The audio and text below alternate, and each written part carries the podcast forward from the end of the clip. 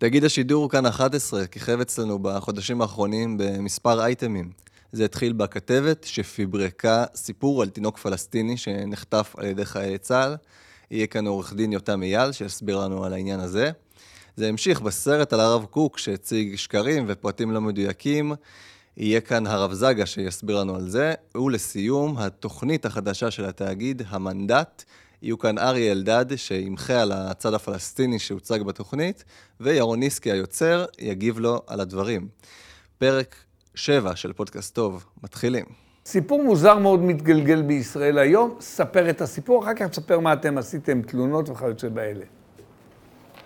טוב, לפני מספר ימים אה, התפרסמה ידיעה ב, על ידי כתבת אה, בשם נורית יוחנן של כאן חדשות, אה, לפיה מספר אה, ישראלים, ארבעה ישראלים, אה, במחסום בין בורקה לשכם, עצרו רכב פלסטיני, פתחו את הדלת בכוח, ריססו בגז פלפל את הנהג, וכאשר הוא אמר להם כי שהבן שלו בן החודשיים נמצא באוטו, הם פתחו את הדלת האחורית וריססו במכוון את הפנים לו. עד כאן הסיפור, עד כאן הסיפור שהתפרסם, שכשאני נחשפתי לו, אני מוכרח להגיד שהזדעזעתי מאוד מאוד מאוד, ואחר כך, מה קורה עם הסיפור הזה? תמשיך. אז לסיפור, אה, דבר ראשון צריך להגיד, זה סיפור נורא. אה, אנחנו רגילים לא פעם לשמועות ודברים, אה, אירועים של פחד עם השני, פגיעה ישירה בפנים של תינוק בן חודשיים זה דבר שהוא בוודאי לא אנושי ולא ודבר שאסור שהוא יקרה וצריך להב לדין בלי מחלוקת. הבעיה בסיפור פה לא הייתה דווקא בחומרה, אלא בחוסר סימוכין של הסיפור. אנחנו רגע, מגיעים לסיפור... רגע, ו... יותם, אתה עורך דין, אמון עלי עובדות והוכחות. מאיפה אתה יודע שאין סימוכין? אני, דבר ראשון שעשיתי ברגע שנחשפתי לסיפור, זה כתבתי mm-hmm. לכתבת וביקשתי ממנה אה, תגובה, האם יש עובדות שתומכות בזה מעבר לבן אדם שסיפר. אה, לא, קיבל, לא קיבלתי מענה. עכשיו, אני לא היחידי שפנה. פנינו מספר אנשים, כולם, אף אחד לא קיבל מענה על הדבר הזה, ו, ולכן אמרנו, סיפור כזה שמופץ, ללא שום אה, סימוכין, כשאנחנו יודעים שברגע שיש תיעוד כלשהו, בדרך כלל מעלים אותו או מראים, ללא שום סימוכין, ושיוצא נגד ישראלים, לא, לא, ישראלים אפילו ללא איזשהו אה, משהו שיכול להגיד לנו מי הם אותם ישראלים, זאת אומרת למעשה הוא פונה נגד מדינת ישראל ואין לו שום הוכחות, ו- ולכן לי, אמרנו לי, אין ברירה. כן. תאמר לי, אמרנו, אתה, צי, כן. אתה ציינת מקום, אמרת במחסום זה וזה, שזה כבר איזה פרט. חוץ מזה, לא שעה, לא מקום, לא אנשים, לא מתי, כלום, לא תאריך, שום דבר לא. דבר ראשון, גם המחסום שאנחנו מדברים עליו, אה, לא מדובר במחסום כמו שאנחנו מכירים בחיזמה, באורנית, מחסומים קבועים. אה, לפי הדיווח מדובר במחסום צבאי, מה שמכונה בשפה הצבאית צ'ק פוסט, בין בורקה לשכם, בטווח של כמה קילומטרים טובים, ללא מיקום ודאי איפה קרה ומתי קרה. זאת אומרת, למעשה אין לנו שום תיאור של המקרה. יפה, הבנתי, דבר, אמרת דבר זאת, בסדר. מה הייתה תגובתם של אנשי התאגיד כאן, מוסד ממלכתי מכובד? אז פנינו, פניתי אה, בעצם לנציב תלונות הציבור בתאגיד, אה, תוך שעתיים התקבלה תגובה, התגובה אה, אמרה שאנחנו אה, פועלים על פי כל הנהלים, על פי כל הסטנדרטים העיתונאיים של תיעוד, של בדיקה, התבצעה פנייה... כלומר, כל מיני מילות בלה בלה בלה, בסדר, ובאופן תכליתי משהו נאמר לכם? אז בעקבות זה פניתי אליהם שוב, וביקשתי לקבל, בעצם פירטתי את השאלות, אמרתי, הטענה פה לא הייתה שבן אדם לא סיפר, הטענה הייתה שהכתבת הציגה את זה כעובדה. היא לא, היא, אם תסתכלו טוב טוב בפרסום, אין כאן שום הסתייגות. תמשיך, אנחנו לא נמשיך לעקוב אחרי זה, כן. לא כתוב שהוא סיפר, לא כתוב שום דבר, בעצם מוצג כעובדה על ידי כתבת כן. התאגיד, אוקיי. לכן אני פניתי וביקשתי, ועד עד הזמן עכשיו לא קיבלתי שום מענה בעניין, אני מחכה לתגובתם אה, בנושא... וכאשר לא תקבלו, ונראה לי שלא תקבלו, מה אז? אז דבר ראשון, אחד הדברים הכי חשובים זה להציג את הדברים בפני הציבור, ואני שמח שאתם נותנים טוב. לזה מקום. כי ד, ד, דבר שני, אנחנו בהחלט נשקול את הצעדים הנוספים. יש אה, על תאגיד השידור, השירות הציבורי, וצריך להגיד, לא מדובר פה בערוץ מסחרי, מדובר פה בערוץ של מדינת ישראל, שאני ואתה וכולם וכל הצופים מממנים, ולכן okay. אוקיי. יש סטנדרטים שהם חייבים לעמוד בו, בוודאי בפרסומים ש... שיכולים לפגוע במדינת ישראל, אז בסדר. ייתכן ואנחנו נפנה תודה. למשרד התקשורת, לנציב תלונות הציבור ועוד. עורך דין יותם אייל, קודם כל, תודה שאתה יצרת את הקשר איתנו, ואנחנו נמשיך לעקוב אחר העניין הזה, עניין שנראה לי חמור, עניין שנראה לי תמוה, ועניין שגם נראה לי עצוב, להפיץ סיפור כזה ללא תימוכין, ללא סימוכין, ובעיקר ללא תשובות ומענים לך, ונדמה לי שגם לנו, הציבור, מגיע מענים. הרב קוק, אני אפילו מפחד להגיד את השם שלו ומדבר עליו, אבל אין לנו ברירה, כי יצא סרט חדש בכאן 11. שמתאר את קורות חייו של הרב קוק, והסרט עורר מחלוקת גדולה בקרב מעריציו, תלמידיו וממשיכי דרכו. נמצא איתנו כאן הרב יצחק זגה, שהוא יושב ראש תנועת רוח ירושלמית להפצת תורת הרב קוק. שלום הרב. שלום, שלום. אה, מה, מה, מה כל כך קשה בסרט הזה? לפני שנגיע לדוגמאות כלליות, בוא תגיד לנו משהו כללי. תראה, אפשר להגיד אמירה מאוד פשוטה. הסרט פותח בלידתו של הרב קוק ונגמר ברצח רבין. אני חושב שהאמירה הזאת כבר מסבירה לכולנו שזה לא. סרט תעמולה שמאלני קיצוני. עכשיו, מעבר לזה, יש שם אמירות שהופכות את הרב קוק לכאילו מישהו שנותן לגיטימציה גמורה לחילוניות, לעזיבת הדת, והופך אותה לכאילו התופעה המובילה שצריך דווקא איתה ללכת, וזה דברים הפוכים לגמרי מתורת הרב קוק. אני מציע הצעה, בוא נראה אולי קטע אחד ונסביר ביחד ככה אם יש בו איזה בעיות או לא, okay. אוקיי. אה, נדבר עליו.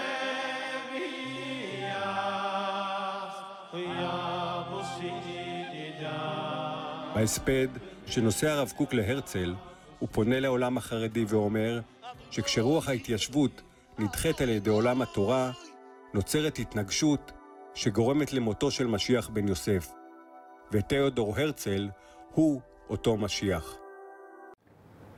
טוב, מה יש לי להגיד? מי שמכיר קצת את תורת הרב קוק, הוא יודע שזה לא נכון. מדובר פה על מאמר מאוד מפורסם, המספד למשיח. המספד בירושלים. המספד כן. בירושלים, סליחה, המספד בירושלים, שכותב אותו הרב קוק אחר פטירתו של הרצל, והוא באמת עוסק במשיח בן יוסף. איפה הבעיה? הבעיה בזה שהוא לא אומר שהרצל משיח בן יוסף. לא, הפוך לגמרי. הרב קוק אמר שהתנועה הציונית, הוא לא אמר על הרצל, התנועה הציונית היא בעקבא דמשיח בן יוסף. מי שמכיר תורת הגר"א, זה בכלל לא בן אדם ספציפי. משיח בן יוסף זה עשייתא דשמיא בכוח ניסי שיש לכל מי שפועל מלמטה לעשות גאולה בעם ישראל. אז הרב אומר, הציונות זה תנועה שהיא פועלת לגאול את עם ישראל, אז היא שייכת לעניין של משיח בן יוסף. הוא לא אומר שהרצל משיח בן יוסף, אבל זה מילא. אומר שם הרב קוק, בגלל שהציונות זנחה את התורה. לקחה רק את העניין החומרי, הגופני של בניין המדינה בצד הגשמי. אז היא תמות. ללא, אני אגיד את זה יותר בעדינות, ללא החיבור לתורה ולחכמיה, אז עזבו מקור מים חיים, ואומר הרב, בגלל זה התחילו שם מריבות, וכתוצאה מהמריבות, אז המנהיג... אה, אה, הלך לעולמו בעוצר רעה ויגון. אז צריך לומר, האמת היא שהרב קוק גם במקומות אחרים כותב שהתנועה הציונית בהיעדר קודש היא תנועה שאחת דינה למיתה. היא תהיה כמק וכאבק, אם נדייק את זה. היא תהיה כמק, היא תתמקמק ותהפוך לאבק. ולא תישאר, וזה דבר מדהים. יש לנו באיגרת תקמ"א, שהרב מדבר שם על הלאומיות הכפרנית, על העזות שלה ועל החוצפה שלה. הוא אומר, כיוון שעזבו מקור מים חיים, היא תיגמר. ואנחנו רואים היום את הפוסט-ציונות, ממש ממש. את ה-BDS, את אלה שמסתובבים בעולם לייצר חרמות על ישראל, אלה ממשיכי דרכם של הציונות החילונית, שבעצם התפרקה לגמרי. חד משמעית, חכם עדיף מנביא, ורואים את דבריו מתגשמים. ממש. היום אתה מחפש ציוני, תחפש אותו דתי-לאומי, חרדי, תחפש אותו בציבור החילוני, זה רק מי ששומר על מסורת. מי ששומר על מסורת הוא ציוני. כלומר שברגע שהציונות החילונית ניתקה את הציונות מהיהדות, בעצם זה כמו זר מאוד יפה, אבל אתה יודע, עוד יומיים שלושה הוא ינבול, כי ניתקו אותו ממקור חייו. כן, זה באמת מטריד שככה עובר קטע כזה בסרט שאמור לתעד את קורות חייו של הרב קוק, ויש עוד קטע שתכף נצפה בו, שהוא עוסק באירוע מצער מאוד בקורות היישוב היהודי, שזה רצח ארלוזרוב. נכון. רצח ארלוזרוב היה אירוע שטלטל את הרב קוק, נכון. בזה אין ספק. Mm-hmm. והוא לקח חלק גדול באותה פרשייה. בואו נראה מה יש בסרט, ואחרי זה נדבר על מה היה באמת. 29 נרצחים יהודים במאורעות חברון, ב-33 עולה הרייך לשלטון בגרמניה והאנטישמיות גואה, וב-34 נרצח חיים ארלוזרוב מראשי היישוב. המחשבה הזאת, שיהודי יכול להרוג יהודי בגלל שהחזיק בדעה מסוימת, שוברת את הרב סופית. אז בוא נשאל את שאלת השאלות. לא יאמן. שאלה שאולי היא כבר קלישאה ישראלית, מי רצח את ארלוזרוב? אז לדעת... אנחנו בסרט פה רואים דבר מדהים, שפותר לנו את התעלומה רבת השנים, שמי שרצח את ארלוזרוב זה יהודי שרצח אותו בשל דעותיו. לא נראה לי שזה מה שהרב קוק חשב. זה שקר גמור, זה פשוט שקר גמור. לא נעים להגיד שכשאתה רואה את מכלול הסרט, זה איך התחיל לדעתו של הרב קוק הסתיים ברצח רבין. הם לוקחים את רצח ארלוזורוב כאיזה מין הכנה הסברתית לרצח שיבוא בסוף, רצח רבין. האמת היא שהרב קוק סבר שערבים רצחו את ארלוזורוב, ויותר מזה, הרב קוק, אחרי שכבר באו לגזור דין מוות על סטבסקי, אותו יהודי שחשדו בו בתור הרוצח, הרב קוק אומר, סטבסקי לא רוצח. הוא זכאי. הוא זכאי, והוא כותב מברקים לכל העולם, תילחמו למען סטבסקי. והוא מציל את סטבסקי מגזר דין מוות. עכשיו, לבוא ולהגיד שלרב קוק כאב שיהודי רוצח יהודי בגלל דעותיו, זה סרט תעמולה ברמת השקרים של התעמולה הסובייטית. עכשיו, מה כואב בסיפור הזה? זה כספי משלם המיסים הישראלי, כאן 11. אתם מקרינים סרט שהוא לא עומד בסטנדרט הכי בסיסי של איזשהו תחקיר מקדים, שום דבר, זה פשוט סרט תעמולה אנטי, אה, לא יודע איך לקרוא לו, אנטי יהודי אני חושב שצריך לקרוא לו. לבוא ולהטיל אה, רפש כזה נורא, כאילו במין איזו הכנה כדי לזרוק את רצח רבין על חלק מסוים בעם ישראל. זה פשוט נורא הדבר הזה. אני רוצה לשאול אותך שאלה על זה, ואני כמוך מוטרד מאוד מדברים כאלה, כי זה נכנס בסוף לזיכרון הלאומי שלנו, בסוף אנשים רואים את הסרט, וזה מה שהם מכירים. כמה שאתה צודק. אתה יודע כמה אנשים כתבו לי, ראיתי את הסרט, משהו לא הסתדר לי. לא הבנתי למה, כשקיבלתי ממך את ההודעה, שלחנו הודעה כזאת בהפצה על השקרים שבסרט, פתאום הכל, פתאום הבנתי, כלומר, אנשים רואים סרט על הרב קוק, מתלהבים. איזה יופי, כאן 11, סרט על הרב קוק. מתחילים לשבת, זה עשוי כאילו יפה, משולבים שם רבנים שהם אנשים גם נאמנים. אחד מהם הגיב מאחורי הקלעים, לא יכול להגיד את שמו, בכעס רב על מה שעשו לו, כי שילבו אותו כחיזוק לתזות שהם מנסים לבנות שם בצורה מעוותת. ובעצם אנשים אוכלים את הלוקש. עכשיו, לכמה אנשים אנחנו יכולים להגיע שידעו שהכילו אותם לוקש? לא יודע, לא פשוט. כלומר, זה נזק שבעצם בכאן 11 משתמשים בפלטפורמה שהמדינה אה, נתנה להם על מנת פשוט להסית. להכניס אני, אני, אגיד, אני אגיד יותר מזה. שנאת אחים בישראל. זה אפילו לפני להסית ולהכניס שנאת אחים, זה פשוט לשקר. אנחנו לא רוצים שקרים כשהם נוחים לנו וכשהם לא נוחים לנו. ולצערי הרב, זה מה שאנחנו ראינו פה על המסך, ראינו שקרים. ואני, אבל בכל זאת אני חושב שיש כאן נקודה שגם אנחנו יכולים לקחת אותה בתשומת ליבנו. אולי שתי נקודות. הראשונה, הציונות הדתית רואה סרט על הרב קוק, וישר ליבה יוצא לסרט. בלי ביקורת. כן. בלי שום שאלה מי עשה את זה ולמה הוא עשה את זה. אנחנו צריכים אולי יותר להגיד לעצמנו, לא כל הנוצץ קדוש. כלומר, זה שזה נורא יפה, רואים את הרב קוק על המסך, זה מרגש אותנו, צריך לבחון את זה בפרטי פרטים ולראות באמת מה מראים שם. אתה בא לפה היום ואתה אומר לנו דברים מאוד מאוד חדים, ואומר, חבר'ה, תיזהרו, תיזהרו, וזו אמירה מאוד מאוד בולטת. דבר שני, ופה אני... הייתי רוצה רגע להגיב כן. לזה. אני העברתי שיעור של 50 דקות בשיעור השבועי שלי בבית הרב קוק, וזה בדיוק מה שאמרתי לאנשים. רבותיי, אתם צריכים להתחיל ללמוד את הרב קוק בפנים, לשלוט היטב בתורה הזאת. זה שהציונות הדתית, איך אומרים ככה, נמרחת, כמו שאומרים, ברגע שהיא שומעת את הרב קוק, כי באמת אנחנו חיים מתורתו. כל המהלך שלנו, זה הרב שלנו. אבל באמת, לא יכול, לא יכול להיות מצב שאתם תחיו את הרב קוק מכלי שני, כלי שלישי, ואז כשמגיע סרט כזה, לא תדעו אפילו להבין שעובדים עליכם, שמרמים אתכם. ולכן אני גם קורא פה שוב, גם לכל מי ששומע אותי, תלמדו את תורת הרב קוק בפנים. טופלים עליו כל כך הרבה דברים שקריים, שהם פשוט לא נכונים. אוניברסליות, אהבת כל האדם. אלה ערכים שהרב קוק לימד. הוא הכניס אותנו למקום הזה של לדעת לתת כבוד לכל אדם באשר הוא אדם. באים, אחד אפילו על במת הכנסת, התחיל לעמוד ולדבר על תורת הגזע של הרב קוק, אני לא יודע למה אני מזכיר את זה פה, אבל זה פשוט ביזיון. פשוט ביזיון, באיזה אקדמיה היו מקבלים דבר כזה שאתה בא ומדבר, בלי שום מידע, בלי שום היכרות, דברים הפוכים לגמרי ממה שהרב קוק אומר. אין ספק שהבורות היא אם כל חטאת, אבל יש כאן עוד נקודה והיא חשובה מאוד, והיא מטרידה אותי כן. בעקבות הסרט הזה, והיא למה אנחנו לא עושים את הסרטים האלה. למה אין חבר'ה שלנו? כי בסופו של דבר אני רוצה להראות לילדים שלי, אני רוצה לראות בעצמי סרט יפה על הרב קוק, יש פה השקעה של תקציבי עתק, ו- וזה נכון שמישהו משלם על זה, ואני חושב שזה גם המדינה, וצריך לבדוק את זה ולחקור את זה, אבל אני אומר, איפה החבר'ה שלנו שיקומו ויעשו את הסרט הטוב על הרב קוק, שנזכה לראות את דמותו, שנזכה להכיר אותו יותר? כלומר, אני מרגיש שאנחנו עוד פעם, ואני מדבר לצופים שרואים אותנו, הם אומרים, יושבים פה שני אנשים עם זקן, ואומרים מה לא בסדר. תעשו, תפעלו. למה הרב יצחק זגה, יושב ראש תנועת רוח ירושלמית להפצת תורת הרב קוק, לא לוקח את היוזמה הזאת בעצמו, ולוקח ומוביל סרט על תורת חייו של הרב קוק? טוב, אז קודם כל השאלות שלך הן תשובות. כלומר, אנחנו בהחלט, האמירה שאתה שואל, זאת האמירה שאני אומר היום, ואני היום גם uh, מפיץ אותה, גם בתוך העולם הרבני. ואני אומר להם, חברים, איך יכול להיות שהם מוציאים סרט על הרב קוק ואנחנו רק מגיבים? ואולי דבר טוב שיצא מהדבר הנורא הזה, זה שאנחנו מתכננים באמת, המערך הסברה שלי היום הוא בונה יותר על לימוד, שיעורים וכולי, אבל הדור הזה יש גם הרבה אנשים שצריכים סרטים, צריכים דברים יותר ככה, עוברים מסך, מה שנקרא, בקלילות יותר, ובאמת הדרישה שלי היום, ברמה הציונית-דתית הכללית, לא רק בתנועה ש- שאני מוביל אותה אוכי ירושלמית, אלא כציונות דתית, להקים סוף סוף מערך הסברה שיודע לעבוד עם כל האמצעים שיש היום. מעין ערוץ טוב וכולי, כן? ש... עם התקציבים הראויים כמובן. בתקציבים, פה נמצא מכשול מאוד גדול, כלומר, אבל צריך להתחיל קודם כל עם, ה, עם הכוונון, לדעת שחייב לקום מערך הסברה לאומי בתקציבים ממשלתיים, שנותן לכל התורה הזאת האפשרות לבטא את עצמה באופן שכל בית בישראל יוכל להבין מי זה באמת היה הרב קוק, מה הוא באמת אמר, ולאן התורה שלו מובילה אותנו. כל המקום של אהבת אחים, אהבת כל האדם, בניין הארץ, אהבת תורה וראייה גאולתית שמלאה בקדושה. הסרט מנסה להציג הפוך לגמרי. זה עוד נקודה. הם מציגים את הרב כאילו הם מקריאים, זה פשוט, זה ממש זעזע אותי.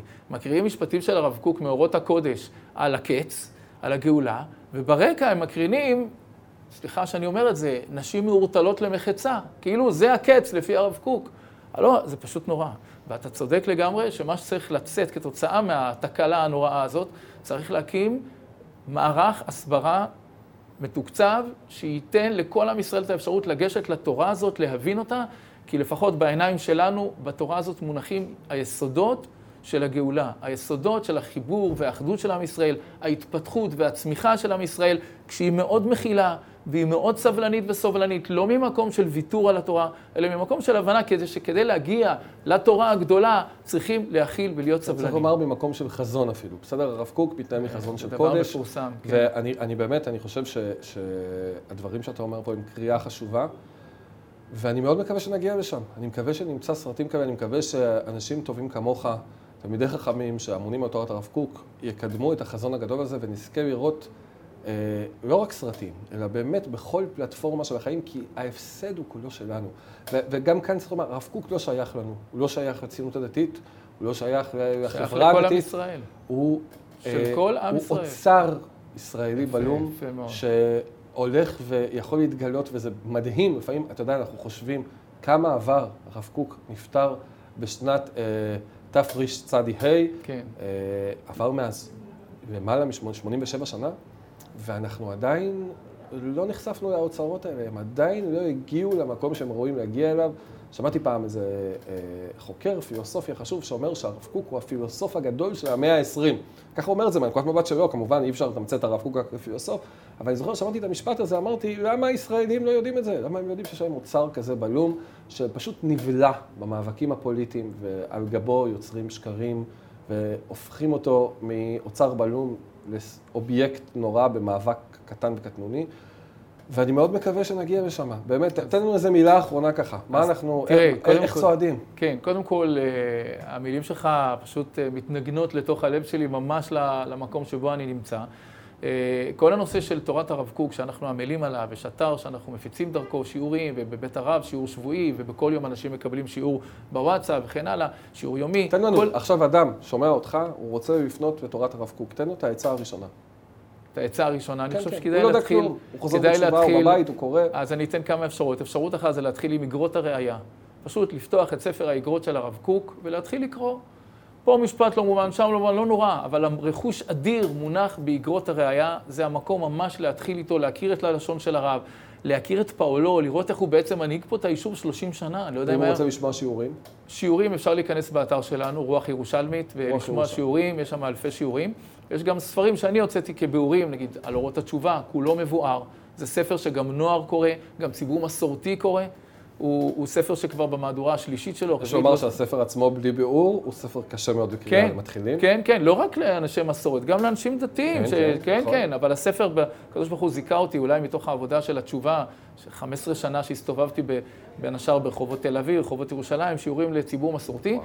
הספר הזה, אורות התשובה עם הביאור שהקדוש ברוך הוא זיכה אותנו, הוא בעצם נוגע בכל אדם. אפשר להיכנס דרך הספר הזה, להכיר יסודות בתורת הרב. מה שיפה באורות התשובה, כמו שאומרים על מסכת כתובות, שזה ש"ס קטן, כי היא מדברת על הרבה נושאים.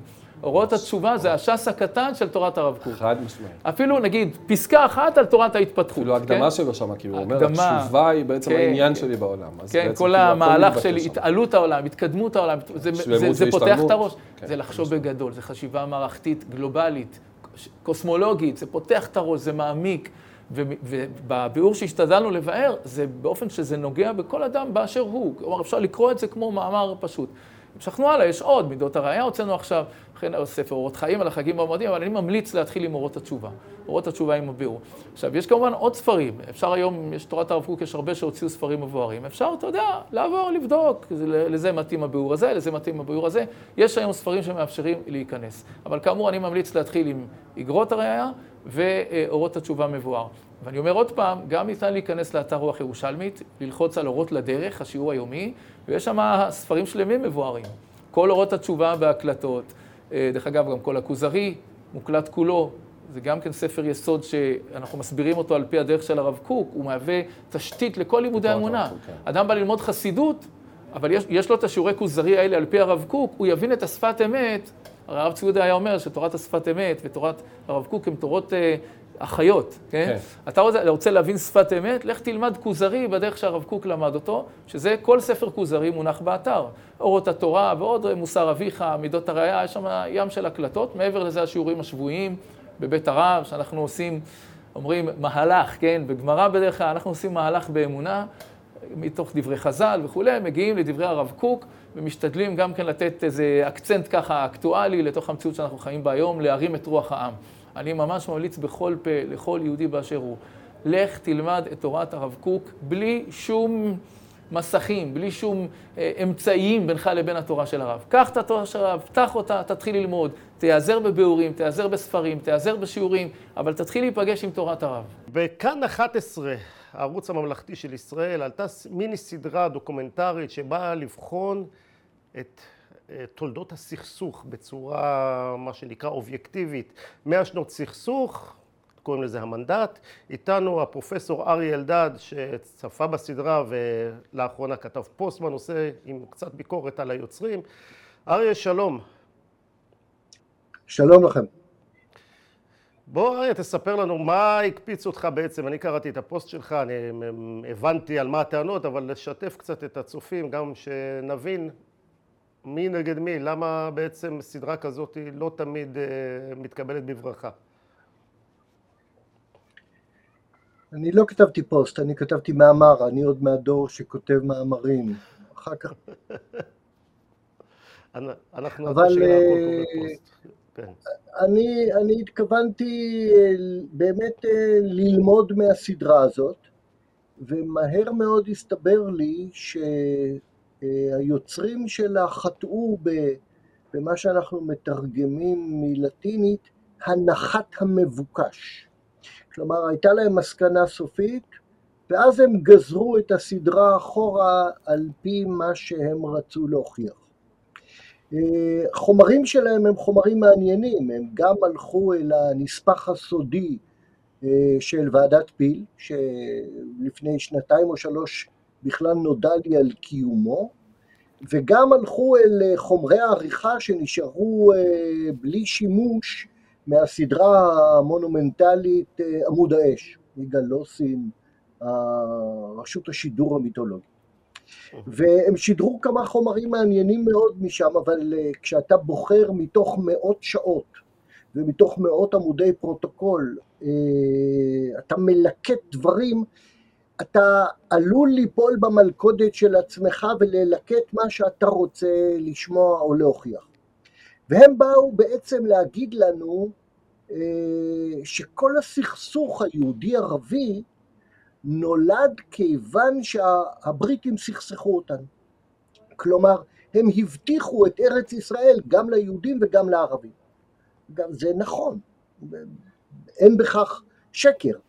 המסקנה היא שקרית, משום שהסכסוך היהודי-ערבי, שהוא סכסוך אידיאולוגי של אידיאולוגיות סותרות, הוא מלחמת דת, הוא נלחם, הוא התחיל לפני שהבריטים באו ונמשך הרבה אחרי שהבריטים הלכו, אי אפשר באופן הכי פשטני לבוא ולהגיד, אה, כי ב-1917 הם הבטיחו גם לזה וגם לזה, מאז היהודים הורגים את הערבים, ולהפך. זה קשקוש והבל הבלים, זה באמת להוכיח מה שרצית להוכיח בעזרת אה, איזשהו טיעון שהוא אמיתי, אבל המסקנה לא נובעת ממנו לחלוטין. זה עניין של הצגת העובדות ש... שיתאימו לנו בעצם. כן, לא, בסדר, לא באמת, מקמהון הבטיח את זה ל, ל, ל, לערבים, ו, ובלפור הבטיח ליהודים, ו, אבל מאה אחוז, בסדר, אבל הערבים הבינו את העניין מאוד מוקדם, ברגע שחבר'ה הלאומים בסן רמו שם חותמת על המנדט, הם הבינו שארץ ישראל לא כלולה בכתב ההבטחה, המכתבים של מקמהון לפייסל או לאבא שלו. אז הדברים היו ברורים מאוד בהתחלה והסכסוך נמשך הרבה מעבר לזה. אחר כך הם באו ואמרו כל המלחמה בין היהודים והערבים זה בגלל חאג' אמין.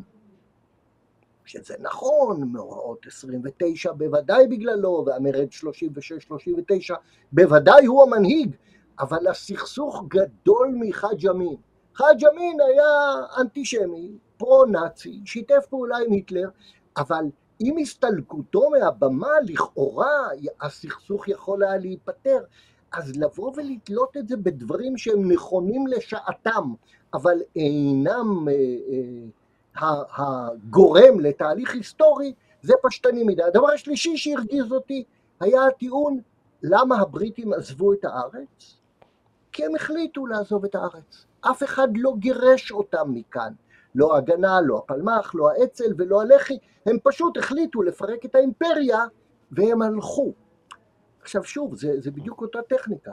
הם באמת החליטו שהם כבר לא מסוגלים להחזיק אימפריה. אבל סדר עזיבת המושבות השונות נקבע על פי המקומות שבהם הם היו צריכים להילחם ובהם הם הקיזו דם. בהודו, בארץ ישראל, הם עזבו ראשונים כי הם לא נשאו בנטל. בסוף הם היו צריכים לשים מאה אלף חיילים בפלסטיין, ב-1947, הם לא נשאו בזה כלכלית, הם לא יכלו להסביר לארבע אמהות, והיו ארבעת אלפים אמהות אז בלונדון, בפרלמנט שבוע שבוע, למה שולחים מפלסטיין ארונות עם חיילים ושוטרים בריטים? למה הם צריכים להמשיך להקיז דם כשלכאורה הם לא מפיקים שום דבר מהמושבה הזאת, שהייתה חשובה כשהיה צריך לשמור על הדרך להודו, שהייתה חשובה נניח בימי מלחמת העולם השנייה, אבל עכשיו, למה ב-46-47 הם צריכים להמשיך להתעלל בפליטים יהודים באירופה ולהמשיך להקיז דם בפלסטיין? הטיעון הבריטים עזבו כי הם החליטו הוא טיעון באמת אה, אה, רדוד מאוד ושטחי מאוד. הם עזבו את אפריקה ב-65, הם עזבו את עדן ואת המושבות שלהם באסיה בסוף שנות ה-60, תחילת שנות ה-70, הם עזבו לפי איפה שכאב להם הכי הרבה. זה היה סדר העזיבה. ואם חלילה היו יוצאים מפלסטיין רק בסוף שנות ה-60, כנראה לא הייתה קמה מדינה יהודית, כי התהליכים ההיסטוריים כבר היו אחרים לגמרי. אני יכול רק להסכים שהם באמת עזבו כי הם החליטו, רק שכחו בסדרה לספר למה הם החליטו, מה היו הגורמים, הטריגרים להחלטה הזו. נמצא איתנו ירון ניסקי, שלום ירון. יוצר הסדרה המנדט. בהחלט, אחד היוצרים. נכון, אבי מרקדו ודן ישור. ודן ישור, נכון. אה, מדובר סדרה דוקומנטרית, שלושה פרקים, מתארת את תקופת המנדט. צפיתי בסדרה. אני שמח. אה, בעניין רב. אני רוצה לומר שלפני שאנחנו נכנסים לתוכן העניין, מרשימה מאוד בעיניי, עשויה היטב, מביאה דברים מרתקים שמפתיע שמצאתם חומרים סודיים. מצאנו פרוטוקול סודי ומרשיע לגב... של, של הבריטים בעצם... מדובר על ועדת פיל. ועדת פיל, אותה ועדת חקירה. הפעם הראשונה שחלוקת הארץ עולה על השולחן, אה, והבריטים בחדרים סגורים אומרים דברים אחרים לחלוטין ממה שאנחנו מכירים, אה, והם ממש אה, מודים במה שהם עשו, מתגלים כמאוד אנטישמים, מאוד אגב גזענים בצורה איומה כנגד הערבים גם. אנחנו רצינו אולי כן. לחשוב, או נוטים לחשוב, שהיה פה רצון אה, מבחינתם גם לתת לנו בית אה, ציוני מתוך איזושהי אמפתיה ואהדה. גם אני חשבתי ככה. אתם באים ואומרים משהו אחר לגמרי. אני בא ומצטט את הבריטים. מצטט, אבל אתם אומרים... אנחנו אומרים את מה שהבריטים אמרו. הם גם פחדו מאיתנו איפשהו, מהאחיזה בעמדות כלכליות ומהכוח של היהודים. הם האמינו לפרוטוקולים של זקני ציון, אה, ועדת פיל היא 1937, ולמעשה לא הרבה שנים לפני זה, אה, או נגיד, הם שואלים את אה, לואי ג'ורג', שהיה ראש הממשלה כן. בזמן ההצהרה, למה ב-1917 נתנו בעצם הבטחה לקבוצה שבאותו רגע הייתה כמעט קיקיונית. הציונות, מי שמע על הציונים בתקופה הזאת. והתשובה שלו בגדול מצטטת את הפרוטוקולים של זקני ציון כמידע מודיעיני שהשיג המודיעין הבריטי. שזה חמור מאוד. אה, שזה משוגע לחלוטין. הוא אומר, היהודים הם עם מסוכן. חייבים להיזהר מהם, שולטים בכסף, בהכל. זה נשמע כמו אנשים ממקומות אחרים באמצע המאה באירופה. בתחילת המאה ה-20 הוא אמר את מה שכולם חשבו. אולי גם היום חושבים, אבל אז זה היה גם לגיטימי להגיד. וואו. אה, אבל כן, זה מאוד הפתיע גם אותנו. כי גם אנחנו ידענו את מה שלימדו אותי ב... לבגרות, וזה לא האלמנט הזה. ויש עוד נקודה, לא רק שמייחסים לנו את אותם כוחות ואחיזות בעמדות בשוק, אלא הם רצו גם את העזרה שלנו. כן, בהשגת אה, הלוואות מהבנקים. אחד הדברים המשוגעים בעדות הזאת, דבר שלא ידענו, שהוא מספר שב-1917 הם בעצם אה, הדפיסו מיליוני עותקים של ההכרזה ופיזרו אותם מעל יישובים יהודים בתחום המושב ברוסיה, ברחבי אירופה, אה, בתקווה שהיהודים ירוצו עם הצאת האלה למועצת אה, זקני, זקני ציון ויגידו, הבריטים איתנו, תאשרו להם כבר הלוואות להילחם בטורקים.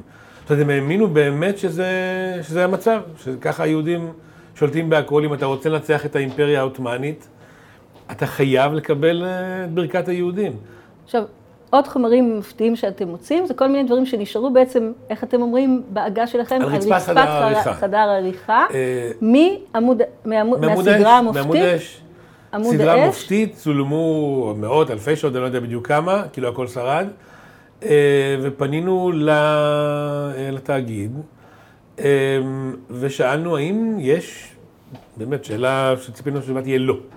האם יש חומרי ארכיון, האם יש חומרי גלם אה, לעמוד האש, והם חיפשו, ואמרו כן.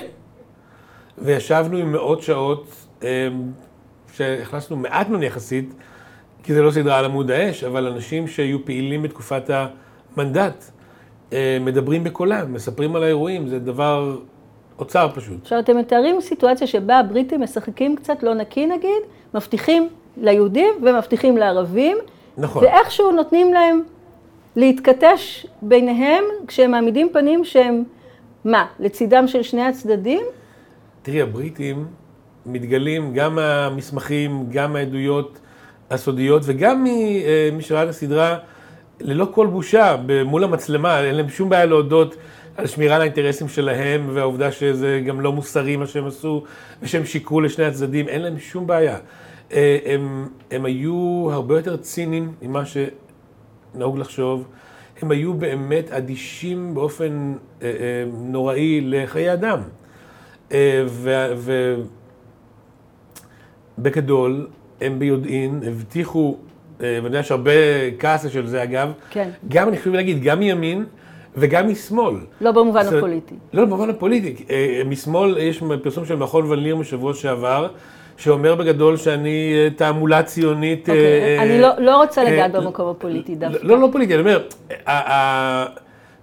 הסדרה לוקחת, בגדול מנסה להביא את, את העובדות, להניח אותן על השולחן אה, ולהבין מה קרה, ועובדת יסוד מהותית היא שלפני המנדט אפילו, ב-1919, היה ברור לכל הצדדים, ליהודים, לערבים ולבריטים, שהבריטים הבטיחו אותו דבר ליהודים ולערבים. עכשיו, פה אנחנו מתחילים לגעת בנקודות בבקשה. שאנחנו חלוקים עליהן. אני יודעת שגם פרופסור אריה אלדד אמר, יש לנו את הקטע? אני, אני התכוונתי אה, באמת אה, ללמוד מהסדרה הזאת, ומהר מאוד הסתבר לי שהיוצרים שלה חטאו במה שאנחנו מתרגמים מלטינית, הנחת המבוקש. כלומר, הייתה להם מסקנה סופית, ואז הם גזרו את הסדרה אחורה על פי מה שהם רצו להוכיח. האשמה לא פשוטה. נכון, חשוב לי להגיד אגב שאריה אלדד, אני לא מכיר אותו אישית, אבל מאוד, הוא איש נפלא בעיניי ואני מאוד מאוד אוהב אותו כאינטלקטואל, אני מקשיב לו וקורא אותו, אה, ועדיין חושב שהוא טועה כאן, וקצת חוטא במשהו מאשים אותי. זאת אומרת, הנחת המבוקש שלו היא שאם יש סדרה על המנדט בתאגיד השידור הציבורי, בוודאי יש כאן איזה מין, אה, אני חושב שמילה בכוונה מוגזמת, מזימה שמאלנית אה, של סימון מטרה, ואז חיפוש... מעצם העובדה שזו הפקה של התאגיד? כן, אה, או אולי אפילו העובדה שאני עובד בטלוויזיה, יש גם על זה... עכשיו, אני אומר... תכף ניגע בכמה נקודות. בסדר גמור, אני אומר, אז השאלה, התשובה לשאלה, האם יש אג'נדה שמאלנית? לא. אני יכול להגיד כי בעיניי היא אגב סדרה שוב, לא עם אג'נדה, אבל מהעובדות, הקליים היהודי, הישראלי, הרבה יותר מבוסס לעומת הטענה העכשווית של הפלסטינים, שמדברת על אה, אה, אסון שקרה להם באשמת היהודים. הסדרה הרבה יותר, שוב, העובדות, לא, לא, לא מכוונה, אלא אלה העובדות, הן הרבה יותר מתאימות למה שהיהודים מספרים.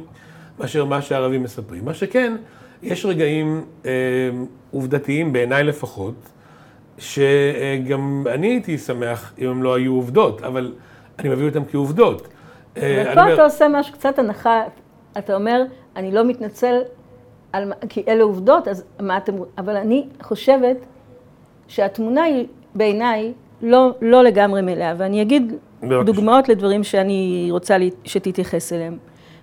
יש מין תחושה שהיהודים והערבים מוצגים ברצון שלהם, ברצון שלהם לחזקה על הארץ כמעט מאותו מקום. עכשיו, לי חסר, אולי כאישה דתייה, אבל אני חושבת שאני מייצגת ציבור גדול מאוד, זה לא אני אישית, איפה המקום האמוני של התנ"ך, שהוא הקושאן שלנו על המקום הזה, ואז אנחנו לא באים מאותו מקום שהערבים באים.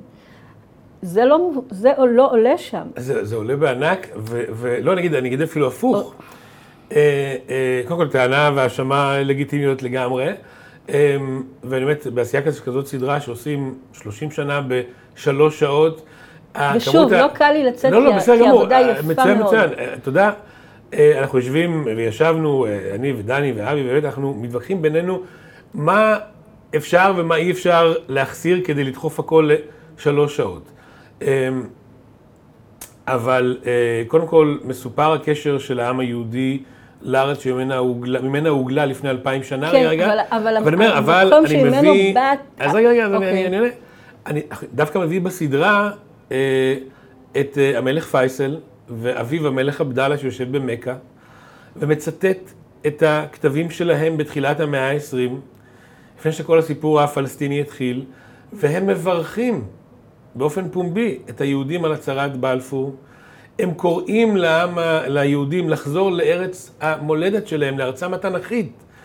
אלא הערבים אומרים את זה בסדרה. אבל אני לא צריכה שהם יאמרו, לא, איפה הנקודה שלנו? אני, אני, אגב, אני אגב צריך, זאת אומרת, שיש... אני אגיד לך מה, זה שאת או אני משוכנעים שהציונות היא מוצדקת ומנומקת ו- ונשענת... זה לא במקרה שאנחנו מבקשים שלא. לשוב אל ארץ אבותינו, יש פה עניין.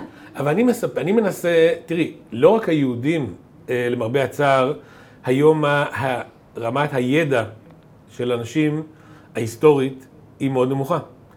אה, הערבים לא יודעים כלום על מה שקרה ומאמינים לקשקושים שלהם על האסון ש... הנה עכשיו רק את הסרט הירדני המתועב הזה. אני נלחם בבורות שמאפשרת לעשות כאלה דברים, כי הסרט הזה הוא ממש עלילת דם. הוא מופץ על ידי נטפליקס. אני אומר, אני מנסה לבוא ולהגיד גם ליהודים וגם לערבים וגם לעולם, ש, של, שבאמת אומר, מה, ב-48' נחתו פה יהודים עם המעמדים, ירדו מהחלליות והתחילו להרוג את כל הערבים. אני בא ואומר, לא, יש קונטקסט, והייתה אגב אלימות גדולה בצד הערבי לפני, וגם עד השנייה האחרונה היהודים התחננו, אבא אבן אומר בסדרה, עד רגע האחרון ניסו, היו משוכנעים שנפסיד אגב, יש היהודים. הרבה התייחסות לאלימות של הבריטים. גם של הערבים. אבל אני לא הרגשתי שהמקום הזה של האלימות הערבית אה, מודגש כל כך, והוא היה לא פשוט, הוא היה רצחני, הוא היה הוא, לא, לא נכון. לא קטן, ו, וגם עניין המחתרות שפועלות, גם לא, לטעמי. לא מקבלים את הקרדיט הראוי. כן.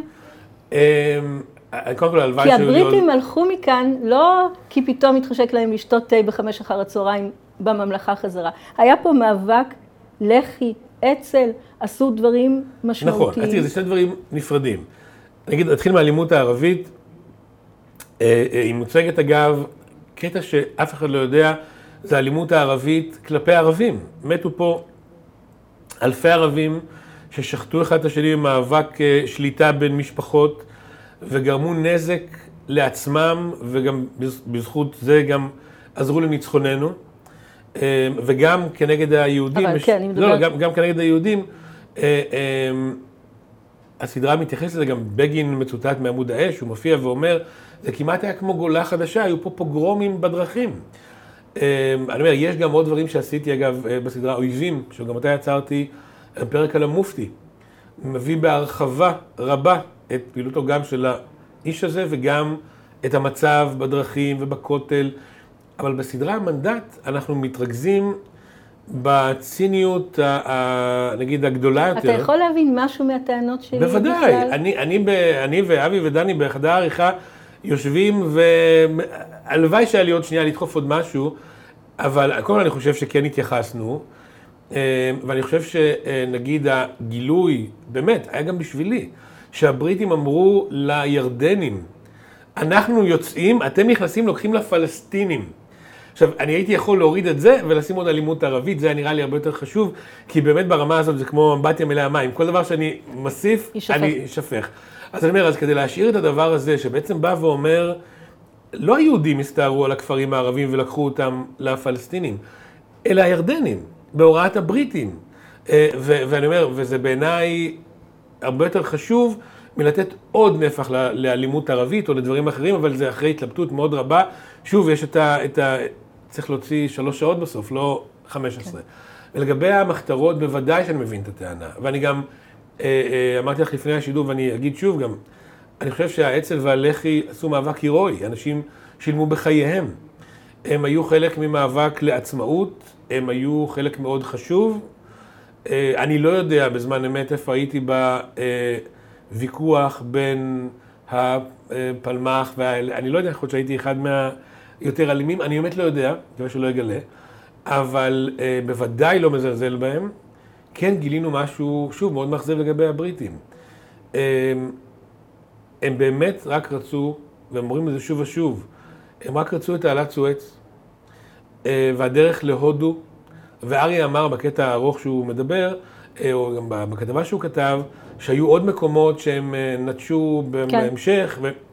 אבל בהודו היה משהו אחד מאוד מאוד שונה. היו להם המון חיילים. בהודו ישב ישבה מסה אדירה של חיילי האימפריה הבריטית. וה, וה, והבריטים בכל רגע נתון שהודו הייתה ברשותם אומרים, זה להיות או לחדול ברמת העובדה שגם מלחמת העולם הראשונה וגם השנייה הם שרדו בזכות הצבא, הצבאות בהודו, וכל האימפריה הוחזקה בזכות הצבא בהודו. אם הם לא היו מוותרים על הודו, ועדיין חלק ניכר מהצבא שלהם היה תלוי בגישה להודו, אז זה היה אחרת. הם היו מול האצ"ל ומול הלח"י ומול אפילו הפרגמטיות של ויצמן, שום דבר לא היה משנה. הם היו נכנסים ביהודים באותה אכזריות וברוטליות שהם נכנסו בערבים, ו, אה, אה, ונשארים, גם אם היו מביאים עוד מאה אלף חיילים. הוא אמר, יש מאה אלף חיילים היו פה, זה נכון. זו הייתה טרדה ענקית והם הקיזו על זה דם. אבל אם היה יושב ראש ממשלת בריטניה ואומר, מחזיקים באזור הזה כי עדיין יש את הצבא בהודו, היו מביאים עוד מאה אלף. היה פה טבח, לא היה אכפת להם מכלום. לא היה להם ערך לחיי אדם. אז הסדרה מתרכזת בזה, בסופו של דבר, לא המאבק ההירואי אה, אה, הוא זה שהוציא אותם, אלא הציניות המוחלטת שלהם, שמלווה בברוטליות חסרת רחמים, וההתקפלות שלהם אחרי מלחמת העולם השנייה, היא בסופו של דבר אפשרה גם ליהודים לפרוח.